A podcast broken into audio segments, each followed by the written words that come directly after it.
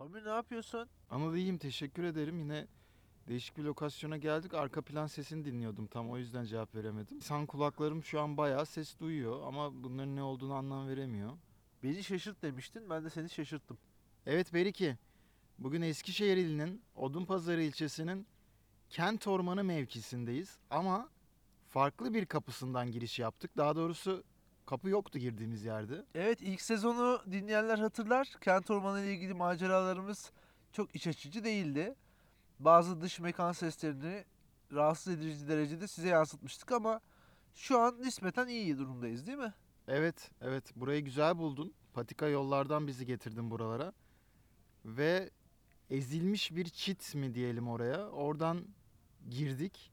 Kent Ormanı'nın muhtemelen kuzey-batı ucundayız şu an. Biz buraya zombi girişi diyoruz öteki. Güzel bir tanımlama. Zombi girişinden girdik ve bugünkü konumuz histamin intoleransı. Hadi bakalım. Ve histamin in- ile ilgili H'den E'ye kadar evet E harfiyle biter histamin. Her şeyi dinlemeye hazır mısınız? Ben anlatmaya hazır hissediyorum. Ben öyle düşünmüyorum başlıyor. Başlıyor.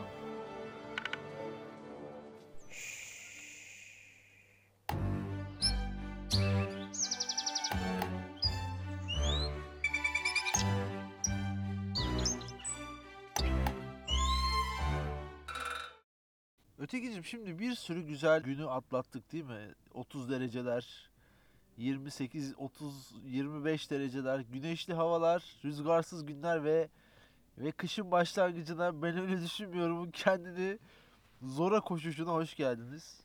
O konuda ben de gerçekten çok üzgünüm. Çünkü çok güzel bir mevsim geçirdik. Yaz ayı da uzundu. Yani Kasım ayının sonlarında olmamıza rağmen halen yazdan kalma günler yaşayabiliyoruz. Ve biz o günlerde yeterince program çekemedik. O da biraz benim sağlık nedenlerimden ötürü oldu ama Evet benim de bazı bahanelerim vardı. ama yapacak bir şey yok. Bugün buradayız ve histamin intoleransı konuşacağız. Bu konu şu yüzden de önemli. Gerçekten senin uzmanlık alanına ilk kez girdik. Evet girerken onu söylemedim. Sanki bütün dinleyiciler bizi tanıyormuş gibi konuşuyoruz ama yani histamin intoleransı çok çok çok konuşulan bir konu internette ama bir alerji immünoloji uzmanı tarafından da henüz anlatılmamış bir konu. O yüzden direkt benim alanımla ilgili olduğu için bugün biraz iddialıyım izin verirsen. Tabii lütfen. Ötekicim şimdi alerjiden bahsettin. Peki ben hemen sana şu soruyu sorayım. Histaminin alerjideki görevi ne? Şimdi Berikicim bu çok güzel bir soru. Histamin bizim alerjide gerçekten üzerinde çok durduğumuz bir molekül. Çünkü alerji tiplerini ayırdığımızda tip 1 alerji olarak sınıflandırdığımız alerji türünün esas aracısıdır histamin. Ve o yüzden bizim de gerçekten günlük pratiğimizde çok önemli bir yer alıyor ama histamin intoleransı alerjik bir reaksiyon değildir. Peki dediğim gibi bugün alerjilerden bahsetmeyeceğiz. Histamin intoleransından bahsedeceğiz. Yani internette bazen yalancı alerji olarak kullanılıyor bu tabir. Ben ilk başta şunu sorarak başlamak istiyorum. Neden böyle bir molekül var? Bizi bu kadar rahatsız ediyorsa, alerji yapıyorsa neden böyle bir molekül var? Ne düşünüyorsun bu konuda? Ötekicim ben şunu düşünüyorum. Vücutta protein yapısında olan her şeyin bir anlamı vardır. Var. Histaminin de bir anlamı var. İşlevsel olarak mesela mide asidi salgılanmasını sağlıyor. Uyku uyanıklık düzeninde, özellikle de uyanık kalmamızda, bilişsel aktivitelerde görevli, bağışıklık sisteminin fizyolojik mekanizmalarında yer alıyor. Beyinde bir nörotransmitter olarak yani sinir hücreleri arasında iletişimi sağlayan bir aracı olarak görev yapıyor. Yani kıymetli bir molekül, olması gereken bir molekül, sıfırlanması gereken, yok edilmesi gereken bir düşman değildir. O Bunu- zaman olması gerektiği kadar olması gerekiyor diyebilir miyiz? her şey gibi. Evet, bayağı burada Thanos'a bağladın yalnız denge konusunda. Her şey gibi olması gerektiği kadar evet dengede olması gereken bir molekül. Bunu dengede tutan enzimler var vücudumuzda. Histamini aldığımızda parçalamamız gerekiyor. Bunlar da yine internette bütün histamin intoleransı videolarında var. Ben de hızlıca söyleyeceğim. Detaylarına sonra gireceğim. Bir dakika Ötekicim şimdi şöyle böleceğim. Güzel başladın. Eline sağlık. Çalışmışsın. Sanki bu konuda uzmanmış gibi konuşuyorsun. Cümleyi bölelim. Histaminden bahsettin. Şimdi intoleransına gireceksin galiba. Evet. Yani histamin intoleransı konuşuyoruz bu bölümde. Histaminden biraz bahsettik. Bunun bir protein yapısında, vücudun yapı taşında olduğundan bahsettik. Biyolojik bir amin evet. Evet yani bu aslında önemli bir molekül bizim için. Bunun intoleransı yani aslında anlamı buna karşı bir aşırı duyarlılık diyebiliriz değil mi? Aşırı duyarlılık diyemeyiz. Aşırı duyarlılığı biz alerjide kullanıyoruz. Tahammülsüzlük. Güzel. Daha çok laktoz intoleransındaki tahammülsüzlük gibi bir durum. Şimdi histamin vücudumuza aldığımızda parçalanan bir molekül. Parçalamamız yani onu bir şekilde yapı taşlarına indirgememiz lazım. Şimdi histamin intoleransı tabii ben bir alerji immünoloji uzmanı olarak bu konulara giriyorum ama tam olarak tanımlanmış ve net olarak kılavuzlarda üzerinde durulan bir konu değil. O yüzden tanımı olmadığı için söyleyeceğim her cümlede gerçekten ip üzerindeki bir cambaz gibi dikkatli olmam lazım. Şimdi tahammülsüzlük nasıl gelişebilir? Mesela histamini fazlaca alabilirsin. Vücudunun ihtiyacı olandan ve parçalayabileceğinden daha sindirebileceğinden daha fazla alabilirsin. Ya da normal miktarda alıyorsundur ama Sindiremiyorsundur ya da parçalayamıyorsundur. evet o enzimler eksiktir. Diaminoksidaz, monoaminoksidaz, en, histamin, en-metil transferaz gibi enzimlerin eksik olabilir. İsimleri çok havalı ama eksikliği o kadar havalı değil herhalde. Ya bende histamin intoleransı var demek için insanlar para harcıyor şu an. Bu konunun ben konusunda uzman olan kişiler tarafından mesela histamin intoleransından bahsediyorsak alerji immünoloji uzmanları, diyetisyenler, gastroenterologlar tarafından konuşulması gerektiğini düşünüyorum. Hatta bunu neyse ki bir kuruluş yapmış. Çok konuşmuyorlar ama yapmışlar. 2017 yılında bir Alman ve İsviçre ortaklığında yapılan bir konsensus e, alerji dernekleri bir araya gelmiş ve histamin intoleransı ile ilgili bir kılavuz çıkarmış biliyor musun? Duymamıştım. Kaç sayfa bu? Ya ben okudum öyle çok uzun değil çok bilinen bir konu olmadığı için onu da yayına hazırlarken okudum. Histamin intoleransını şöyle tanımlıyorlar. Çok basit ve çok kısa bir tanım yapacağım. Sindirilen histamine karşı gelişen olumsuz reaksiyonlar. Bana bu konunun uzmanıyım dedin. Lütfen bana artık masaya çıkartıp şöyle şöyle somut delillerle vurur musun? Şimdi Beriki güzel bir yere noktaya girdin yine. Diyorsun ki histamin intoleransının sözde semptomları nelerdir? Ben sözde diyeceğim çünkü hani tanımlanmamış bir durum olduğu için. Ama şöyle bir söyleyeyim. Reseptörlerini saymıştık. H1 reseptörlerine bağlı olarak mesela kaşıntı, kızarıklık, egzama, eritem, burun akıntısı, burun tıkanıklığı, astım, nefes darlığı olabilir. H2 reseptörlerine bağlı karında şişkinlik, ishal, karın ağrısı, kabızlık, bulantı kusma şikayetleri olabilir. H3 reseptörlerine bağlı olarak da migren tarzı, baş ağrısı görülebilir ve aynı zamanda böyle bir halsizlik, baş dönmesi gibi şikayetler de olabilir. Ve tabii ki dismanere dediğimiz ağrılı adet sancıları da görülebiliyor. Tabii şimdi bu semptomlar belki birçok hastalıkla karışabilecek semptomlar olduğu için önce onları değerlendirmek gerekiyor. Yani gerçekten bir alerjiniz var mı? Ya da bir bağırsak hastalığınız var mı? Ya da endokrin yani hormon sisteminizi etkileyen bunlara sebep olabilecek başka bir durumunuz var mı? Bunları düşünmek gerekiyor. Peki bu kadar çok semptomu olan ve tanı kriterleri oturmamış bir şeye nasıl tanı koyacağız? Şu an bilgiye ulaşmak, sözde bilgiye ulaşmak gerçekten çok kolay ve doktor doktor geziyorlar çeşitli atipik dediğimiz yani kesin olarak isimlendiremediğimiz şikayetleri var çok sayıda sistemi etkileyen ve mevcut koşullarda sende bir şey yok deyip ya da psikolojik deyip ya da bazı bir takım bildiğimiz ilaçlar yazılıp genelde e, hastaları uğurlamak durumunda kalabiliyoruz. Tabi burada histamin intoleransında şöyle bir durum ortaya çıkıyor. Histamin intoleransına özgü tanı kriterleri ve belirteçleri eksik olduğu için tamamen semptomlar üzerinden yürüyor ve bu semptomların da tezahürünün yani ortaya çıkışının diamin oksidaz enziminin azalmış seviyesi veya aktivitesinden kaynaklandığı öne sürülüyor. Bu enzim tam olarak ne işe yarıyor? Diamin oksidaz enzimi histamini parçalayan tek enzim değil. Öncelikle onu söyleyelim. Çünkü internet hep bunun üzerinde duruluyor ama histamini parçalayan enzimlerden biri egzojen histamin yani dışarıdan aldığımız hücre dışı histamini parçalamada önemli bir görevi var.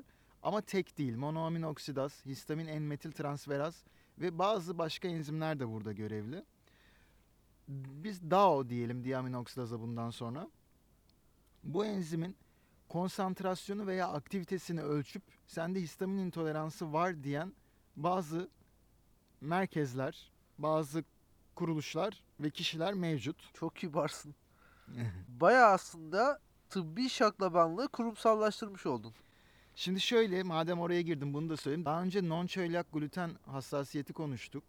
Kandida aşırı çoğalması konuştuk.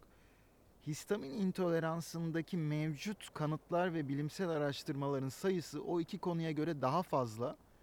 O yüzden her ne kadar ben hep bir alerji immünoloji uzmanı olarak bunu kabullenemeyeceğimi söylesem de kabullenen kişilere de şaklaban demeyi şu an için çok doğru bulmuyorum. Evet seste bir farklılık fark edeceksiniz. Affınıza sığınarak bir iç mekan yolculuğu yaptık. Arabaya geldik. Hava çok soğudu. Evet ve güneş de batıyordu. Çok da tekinsiz bir yerdeydik. Açıkçası bende biraz tahammülsüzlük gelişti. Bundan sonraki bölümlere devam edebilmek adına küçük bir fedakarlık yaptık. Belki ben hızlıca tanıya giriyorum. Tanıyı nasıl koyacağız? Şimdi kesin kriterler, kalıplaşmış bir takım yöntemler yok.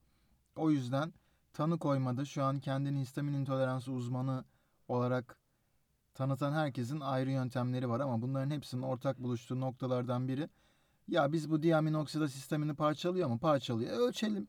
Seviyesini ölçelim, aktivitesini ölçelim, fonksiyonunu ölçelim diyorlar. Ötekicim haklısın. Şimdi ben kafası karışmış, kendinde histamin intoleransı olduğunu zanneden bir hastayım. Ya da öyle olduğunu hissediyorum. Ve sana geldim bir uzman olarak.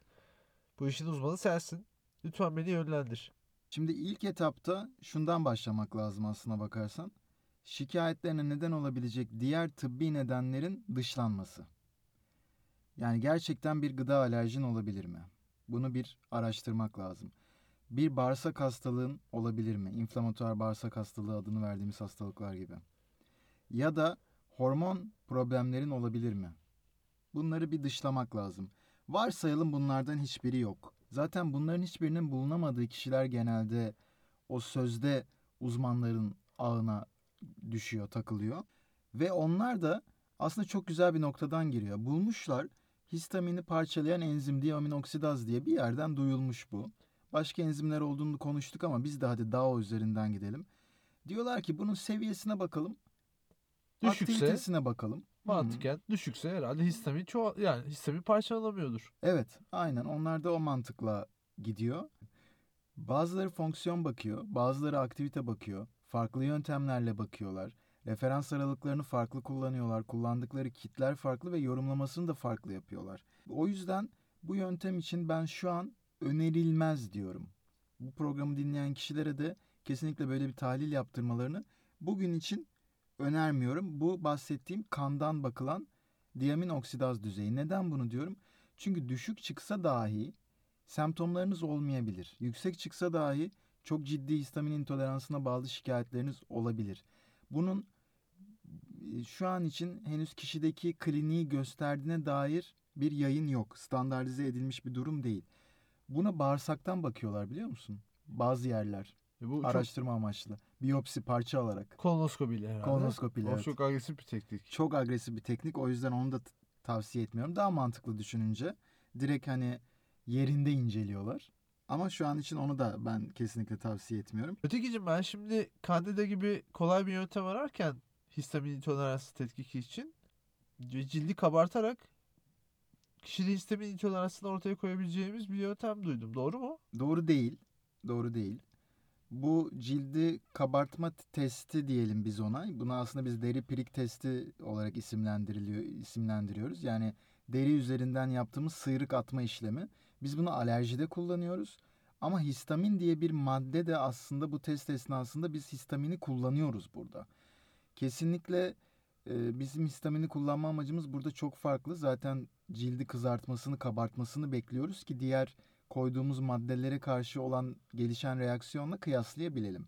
Bunun 50 dakikalık yapıyan versiyonu var. Bu gerçekten yayınlarda tanımlanmış. Biz normalde deri pirik testini 20 dakikada sonlandırırız alerjenler için olan durumda. Ama burada diyorlar ki 50. dakikada histaminin reaksiyonuna bakalım. Eğer histamin koyduğumuz yerde histamin kaybolmuyorsa bu kişilerde histamin metabolizması yavaş olabilir diyorlar. Bu da doğru bir test, doğru bir yaklaşım değil. Bunu böyle kullanmamak lazım. Bu kişiler diamin oksidazın yanına bir test daha ekliyorlar. Histamin düzeyi diye kandaki. Sonuçta histamin intoleransı konuşuyoruz değil mi? Ne dedik? Ya diaminoksidaz seviyesi düşük olabilir ya da histaminin miktarı yüksektir. Kesinlikle tavsiye etmiyorum. Diaminoksidazdan daha da geçersiz bir test. Niye, neden böyle diyorum? Çünkü histaminin yarı ömrü, kandaki yarı ömrü çok kısadır. Çok ciddi değişkenlik gösterir. Bunun seviyesini ölçmek semptomlarınızın sebebini bulmanıza yardımcı olmayabilir. O yüzden ben onu da tavsiye etmiyorum. Klinik olarak anlamsız diyebiliriz. Evet en mantıklısı yayınlarda söylenen şu. Histamini de diaminoksidazı da gün içerisinde defalarca hatta birkaç günden fazla uzun bir süreçte ölçerek kişinin şikayetleriyle bir bağlantı olup olmadığını bulmak ama bu da teknik olarak çok yapılabilecek bir yöntem değil. Çok zahmetli bir yöntem. Burada biraz klinik yorumlama katılır ve bias oluşabilir. Kesinlikle oluşabilir. Histamin yükleme testi var. Histamin yükleme testinde histamin veriyorlar. 75 mg ile 100 mg arası.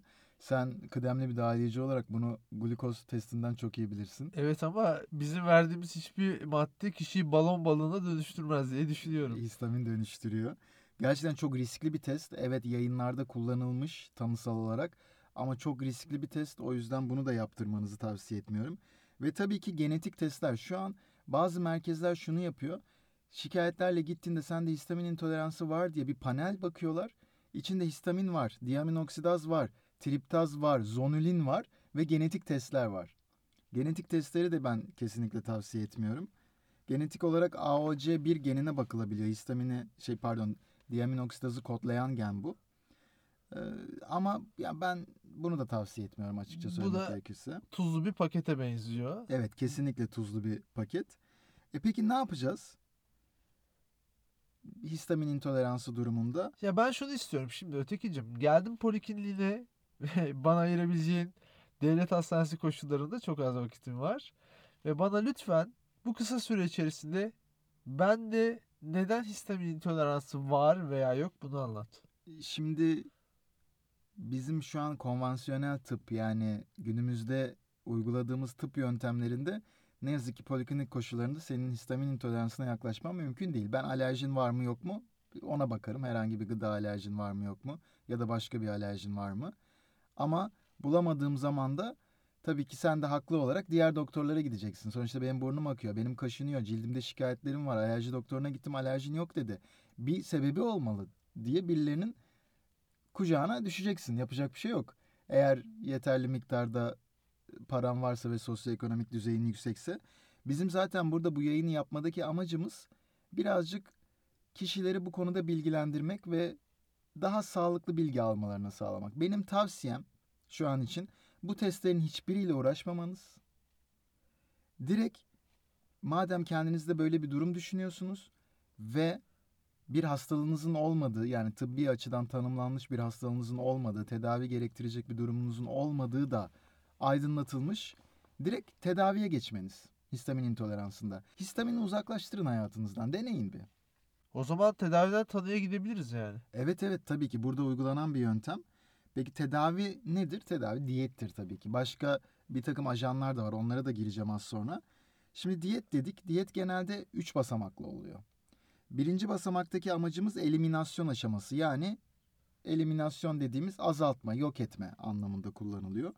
Buradaki hedefimiz kişinin şikayetlerini mümkün olan en az düzeye indirmek ve onu sağlayan diyeti bulmak. Diyette de bazı değişiklikler yapacağız. Mesela daha çok taze sebzeler üzerinde durup yıllanmış ya da işte tütsülenmiş konserve gıdalardan, fermentasyona uğramış ürünlerden uzak duracağız. Bu birinci basamak. Bunu yaptıktan sonra yavaş yavaş kişinin diyetini açacağız. Çünkü bu bahsettiğim ilk etaptaki diyet gerçekten uzun süre uygulanamayacak bir diyet. En fazla 3-4 hafta süreyle uygulanabiliyor. Uzun süre uygulandığında zararı faydasından fazla olabilir. İkinci basamakta yavaş yavaş açıyoruz diyeti. Aslında bu laktoz intoleransında uygulanan yönteme de benziyor. Kişiyi yavaş yavaş duyarlamış oluyorsunuz. Buradaki amacımız kişiyi duyarlamak değil. Kişinin önce diyetinde histamin, yüksek histamin içerikli her şeyi kesiyoruz. Mesela Mesela fermente gıdalar, turşular, sosisler, salamlar, e, bütün neredeyse bütün peynirler, özellikle bekletilmiş, olgunlaştırılmış olanlar, çay, siyah çay, kombuça çayı, Çok popülerdir o da yine son zamanlarda. Bazı meyveler, sebzeler, domates gibi, patlıcan gibi, avokado gibi. Bunları ben teker teker burada söylemek istemiyorum. İnternetten bunlar çok var. Hem de yani kişi şu an bizi dinleyen kişi elinde kalem kağıt not almıyordur yani bunları. Ama yeri geldikçe konuşabilirim. Yani ne yiyemeyeceğinden çok ne yiyeceğine, ne yiyebileceğine belki odaklanmak gerekir. Taze etler, taze ürünler, taze sebzeler bunlar tüketilebilir. Kinoa, chia, badem sütü, yağlar ve yine histamin içeriği düşük olan bitkilerden yapılmış bitkisel çaylar tüketilebilir. Ötekicim tıpkı çölek olmayan gluten hassasiyeti gibi son yıllarda özellikle raf ömrünü uzatmak için birçok madde eklenen bu ürünlerden bahsediyorsun. Hani bunlara taze ulaşabilmek her zaman kolay değil. Değil, hiç değil. Çünkü e, herkese ve uzun süre ulaşabilmesi için birçok katkı maddesi ekleniyor içine değil mi? Evet kesinlikle e- ekleniyor. Zaten diyetin de bir amacı o. Biz bu diyeti daha çok alerji pratiğinde bunu histaminden fakir diyet demek yerine biz buna pseudo alerjenden uzaklaştırıcı diyet diyoruz daha çok. Yani yalancı alerjenlerden, katkı maddelerinden, renklendiricilerden, tatlandırıcılardan uzak durma diyeti diyoruz. Çünkü bunlardan uzak durduğu zaman da kişinin aslında histamin intoleransı zannettiği şikayetleri gerileyebiliyor. Konu her zaman histamin değil, gıdalarda bulunan başka maddeler de benzer şikayetlere yol açabiliyor. Bunu gluten bölümünde konuşmuştuk. Peki diyetin ikinci basamağı ne? Hadi her şeyi kestik. Kişi diyelim ki çok az histamin alarak besleniyor. İkinci basamak test safhası. Burada hariç tutan gıdaları yeniden veriyoruz. Kişinin bireysel diyet tercihlerini göz önünde bulunduruyoruz ve hangi gıdaya nasıl bir şikayeti oluyor onu gözlemleyerek kişiye özgü bir diyet yaratma çabasındayız. Zaten üçüncü ve son basamağımız da uzun dönem sürdürülebilecek dengeli beslenme şeklini bulmaktan ibaret.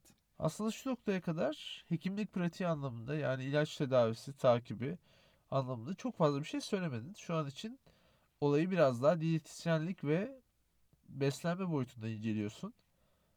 Doğru mu? Doğru. Şunu soracaksın herhalde. Peki hocam bunun bir ilacı yok mu? Bir iğnesi varmış, geçiriyormuş. Evet lütfen ben hala poliklinikte seni bekliyorum.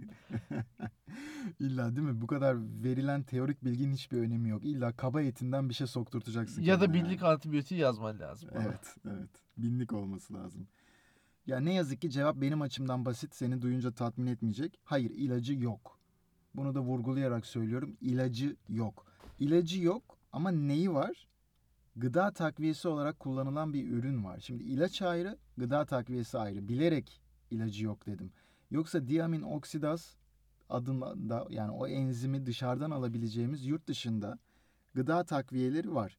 Hocam zaten ilacı bana yaramıyor. Sen iğnesini yaz. Tıpkı mesela laktoz intoleransına nasıl enzim veriyorsak burada da aynı şekilde DAO enzimini egzojen yollarla yani dışarıdan verebiliyoruz ve bunun gerçekten kişinin semptomlarını azalttığını gösteren çalışmalar var.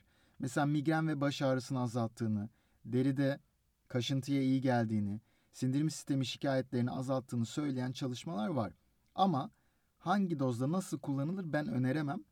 Çünkü kılavuzlara girmiş bir bilgi değil. Çalışmalarda 2 çarpı 0,3'ten 3 çarpı 0,6 miligrama kadar hatta günlük 4 miligrama kadar çıkılmış dozlarda. Farklı farklı dozlarda yapılmış. Ama biz hep ne diyoruz Beriki? Bir iki çalışmayla kendimizi sınırlandıramayız. Çünkü çalışmaların nasıl yapıldığına bağlı olarak, kim tarafından değerlendirildiğine bağlı olarak orada bir takım yanlış bilgiler de oluşabilir. Bizim için önemli olan bu çalışmaları derleyen sistematik derlemeler ve meta analizlerdi bunları inceleyen. Ve onlar ne diyor? Şunu söylüyor. DAO takviyelerinin nasıl çalıştığını ve bunların güvenliğini tam olarak bilmemiz için henüz yeterli düzeyde kanıt mevcut değil. O yüzden daha fazla çalışmaya ihtiyaç var diyorlar. O yüzden şu an bunları kimseye önermiyoruz. Önerilmesini doğru bulmuyoruz diyorlar. Ayrıca bu DAO takviyeleri masum mu? Çoğu zaman gıda takviyeleri bildiğin üzere denetlenmiyor. Ülkemizde de böyle, yabancı ülkelerde de böyle. Çok ciddi denetlenmiyorlar. Düzenlemeler yok bunlarla ilgili. Bu yurt dışından gelen ürünlerin genelde domuz böbreğinden elde edildi. Ya bunu size söyleyen yurt dışından getirtecek kişiye bir sorun bunu en azından. Sadece dini hassasiyet anlamında değil. Veganlar da gerçi veganlık bir din mi bilmiyorum. Yakında olacak herhalde. Ama biz çok basite dönelim. Madem bu alerji benzeri bir durum yaratıyor vücutta. En çok kullandığımız ilaçlar değil mi? Senin de bildiğini düşündüğüm antihistaminikler. Ve Ha, bunları ne antihistaminik? yani bunları acaba kullanmayı denesek yani histamini aslında bu basit ilaçlarla baskılasak alerji için kullandığımız. Çok güzel bir yerden ilerliyorsun. Ben de tam antihistaminiklere girmek istiyordum. Madem adı histamin intoleransı, histamin fazlalığını tahammülsüzlük olması. E o zaman antihistamin denen ilaçlar var. Onları alalım, bitsin gitsin. Gerçekten. Bunun için almayın. Histamin intoleransı için almayın. Başka nedenlerden ötürü alınabiliyor.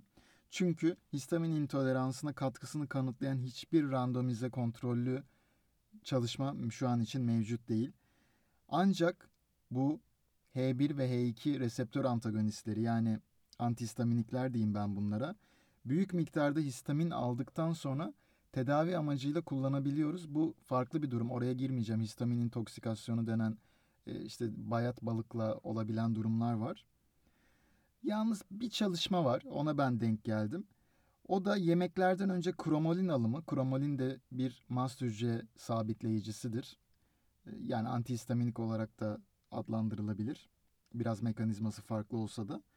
Hastalarda semptomları azalttığını bulmuş. Yemekten yarım saat önce, bir saat önce kromolin maddesini alıp o kişilerde gerçekten yemekten sonra histamin intoleransına atfedilen şikayetlerin daha az olunduğu bulunmuş.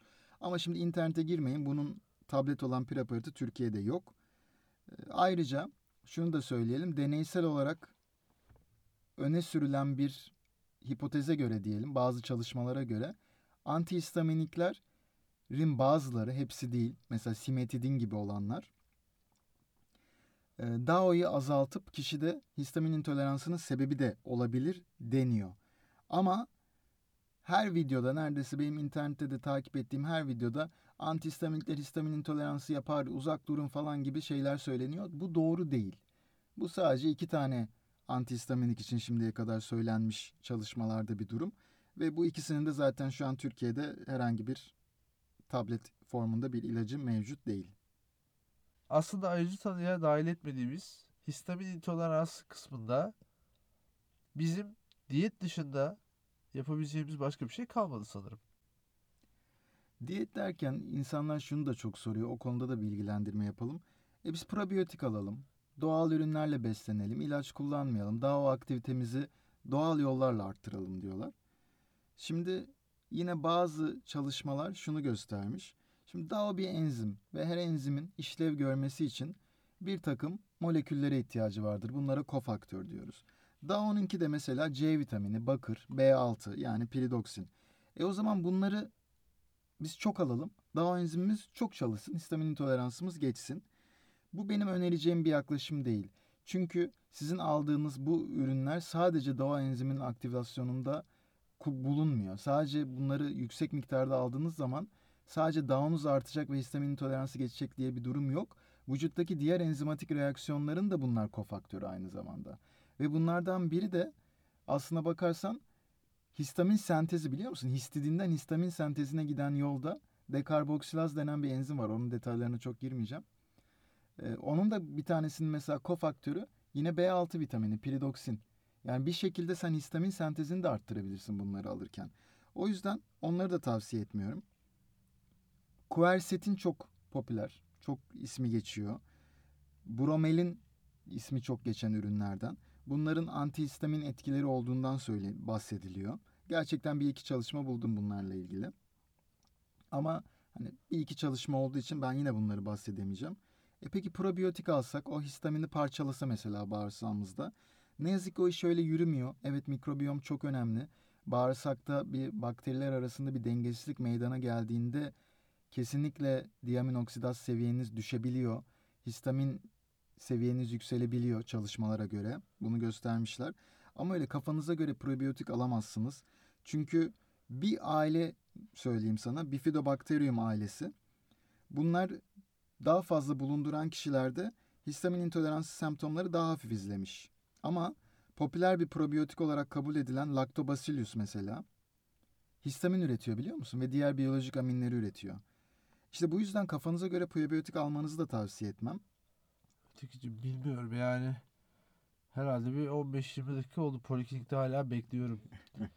Ee, dinleyicilerin de istediği cevapları alamadığını düşünüyorum.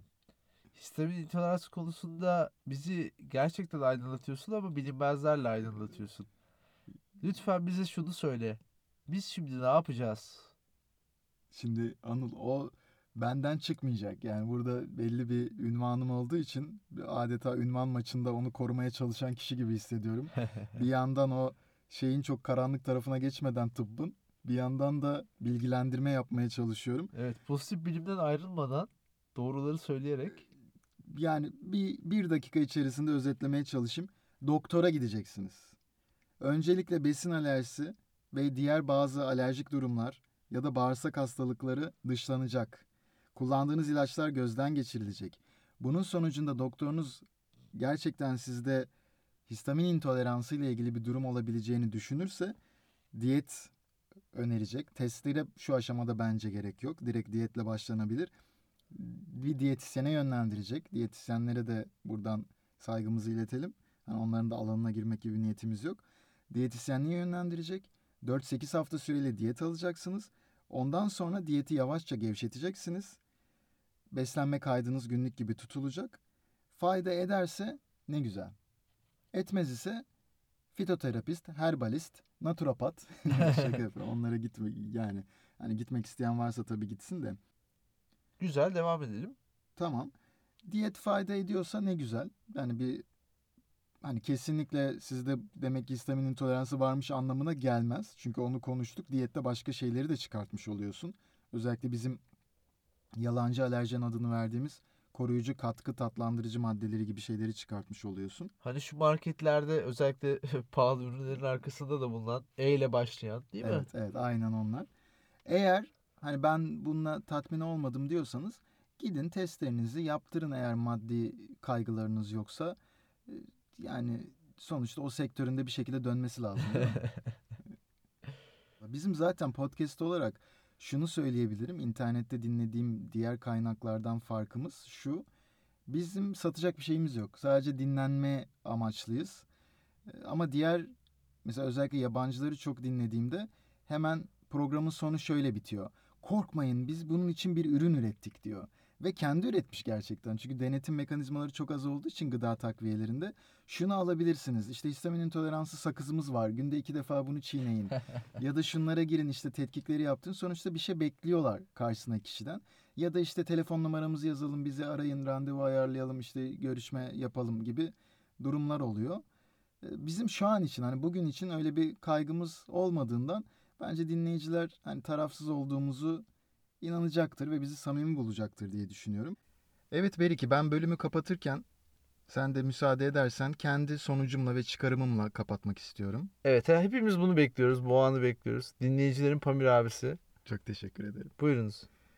Şimdi biz şehir hayatı yaşayan modern insanlar olarak soluduğumuz havanın kirli olmasına, endüstriyel atıkların içme suyu kaynaklarına dökülmesine, yediğimiz ürünlerin çok çeşitli katkı maddeleri içermesine, güneş görmeyen havasız odalarda uzun saatler çalışmaya, daha fazla ve hızlı tüketmek için dünyanın canına okunmasına tahammül ederken gerçekten histamine tahammül edemememiz bir sebep midir yoksa şehir hayatının getirdiği bir sonuç olabilir mi?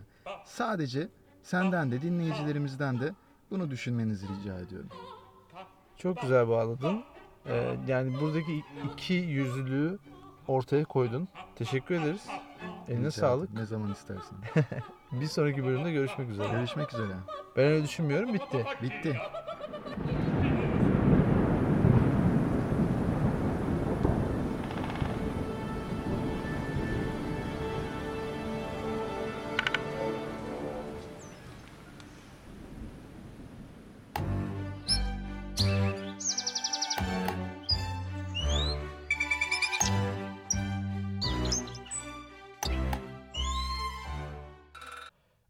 Teşekkür ederim. Çok başarılı bir bilgilendirmeydi. Ama ben polikliniğin kapısında bu kadar saat bekledim ve senden hala bir enjeksiyon alamadım. O zaman ben şöyle yapayım. Genelde mitoloji arasını programın arasına yediriyorduk ama hasta boşa ayrılmasın diye buraya kadar kalan kişileri de birazcık birazcık daha günlük hayattan örnekler vereceğim bir hikaye anlatayım. Peki Anıl o zaman histamin intoleransından daha fazla ilerlemeden yorulan dinleyicilerimiz için ben izninle histamin intoleransının antik Yunan döneminde nelere yol açtığını anlatacak bir mitolojik hikayeyle araya girmek istiyorum. Pamir'cim lütfen artık gir araya. Biz de biraz dinlenelim. Mitoloji arası başlıyor. Başlıyor.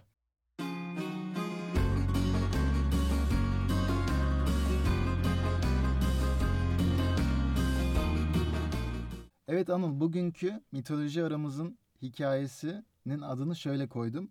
Histaminaki. Güzel. Histaminaki. Hikayemiz Teselya'da geçiyor. Antik Yunanistan'ın orta doğusu diyelim. Jeografik olarak söylüyorum bunu. Ortasında ve doğusunda. Yoksa bize göre batı olan bir yer. Burada o dönem yaşayan iki halk var. Bunlar Lapintler ve Kentaurlar. Bu at insanlar galiba. Diğerini tam çıkartamadım. Şöyle şimdi burada üç isim vereceğim. Bunları hikayede akılda tutsak yeter. Lapintler, Lapintleri bir şey olarak düşün. Nesil yani bir ulus olarak düşün. Lapintlerin kralı Peiriotos. Bunu doğru düzgün söylemiyor olabilirim. Kolaylık açısından bundan sonra kendisine Piri Reis diyeceğim. Güzel. Lapintlerin kralı. Bir kahramanımız var Teseus Bey. Geçen mit arasından biliyoruz neredeyse Herkül kadar sağlam bir kahraman. Aynı zamanda yarı tanrı bir abimiz. Ve Kentaurların yani yarı at, yarı insan canlıların lideri Eritionon. Eritionon. Ona da at herif diyeceğim bundan Güzel. sonra. Şimdi bu Lapintler ve Kentaurlar aynı kralın soyundan. Kral Ixion diye bir kralın soyundanlar. Yani uzaktan akrabalar. Bu kral öldükten sonra başa kim geçecek? Bunun kavgası çıkıyor. Lapintler kral olarak kendilerine Piri Reis seçiyorlar. Piri Reis de akıllıca davranıyor. Kentaurlara dağda bir arazi ayarlıyor. Diyor ki ya siz hani zaten atsınız arkadaşım ne yapacaksınız burada bizimle yaşayıp? E, Bize sıkıntı çıkarmayın. Dağa çıkın. Orada bir çiftlik arazisi, bir ev onlara tahsis ediyor adeta öyle düşün.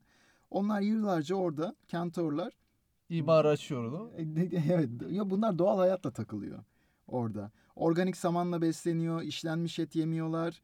Ama bu sırada Lapintler şehir hayatı sürüyor. Neyse Piri Reis bir gün aşık oluyor.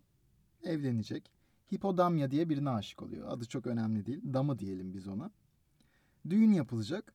Şimdi düğün e, tabii ki masraflı. O dönemde masraflı. Günümüzde de masraflı. Diyor ki ya bizim dağdaki kuzenleri de çağırayım.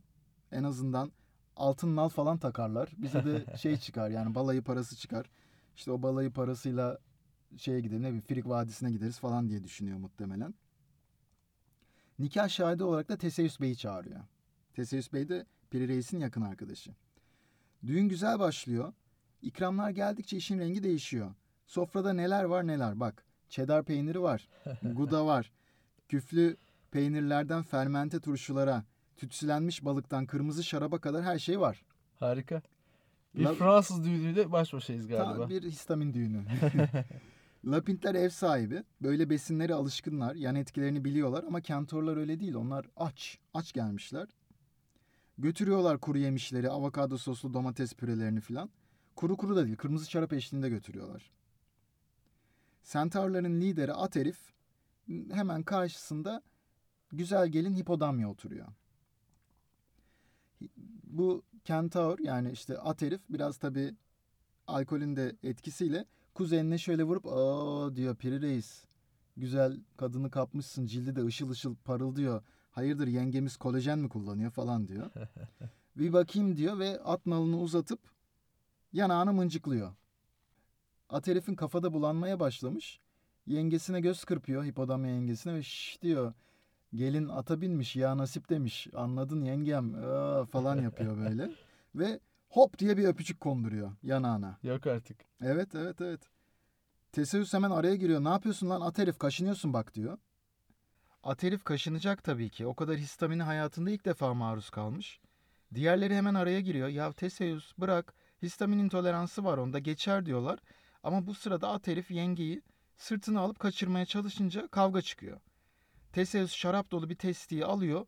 At herifin kafasında parçalıyor Hayda. ve al sana histamin s- at herifi diyor. Düğüne gelip taşkınlık yapmayı utanmıyor musun?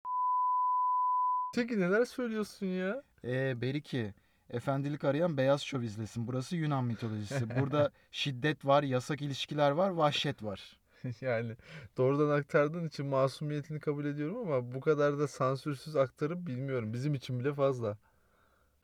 Ya dinleyicilerimizden özür dilemeyeceğim çünkü burayı zaten bipleyeceğiz. Neyse hikayenin sonunda at heriften geriye sadece nalı kalıyor. Teseüs Bey'in ise namı tarihe geçiyor. At ölür, nalı kalır, yiğit ölür, şanı kalır lafı da buradan geliyor. Bu olayda tarihe histamin savaşı yani histaminaki olarak geçiyor. Özeti şu aslında hikayenin. İçimizde bizim vahşi bir tarafımız var. Bu vahşi tarafımız yani doğamız ile uysal tarafımız yani şehirli yanımız devamlı kavga durumunda. Bazen biri ağır basıyor, bazen diğeri ağır basıyor. Ama önemli olan her konuda olduğu gibi histamin konusunda da önemli olan dengeyi tutturmak. Harika. Çok güzel bağladın. Eline sağlık ötekicim. Her ne kadar bazı müsteşen kısımları olsa da bizim açımızdan eğlenceli bir düğün oldu. Ve bizler doğamızdan uzaklaştıkça doğal olmayan şeylerle maruziyette tahammülsüzlüklerimiz artıyor. Histamin de bunlardan biri.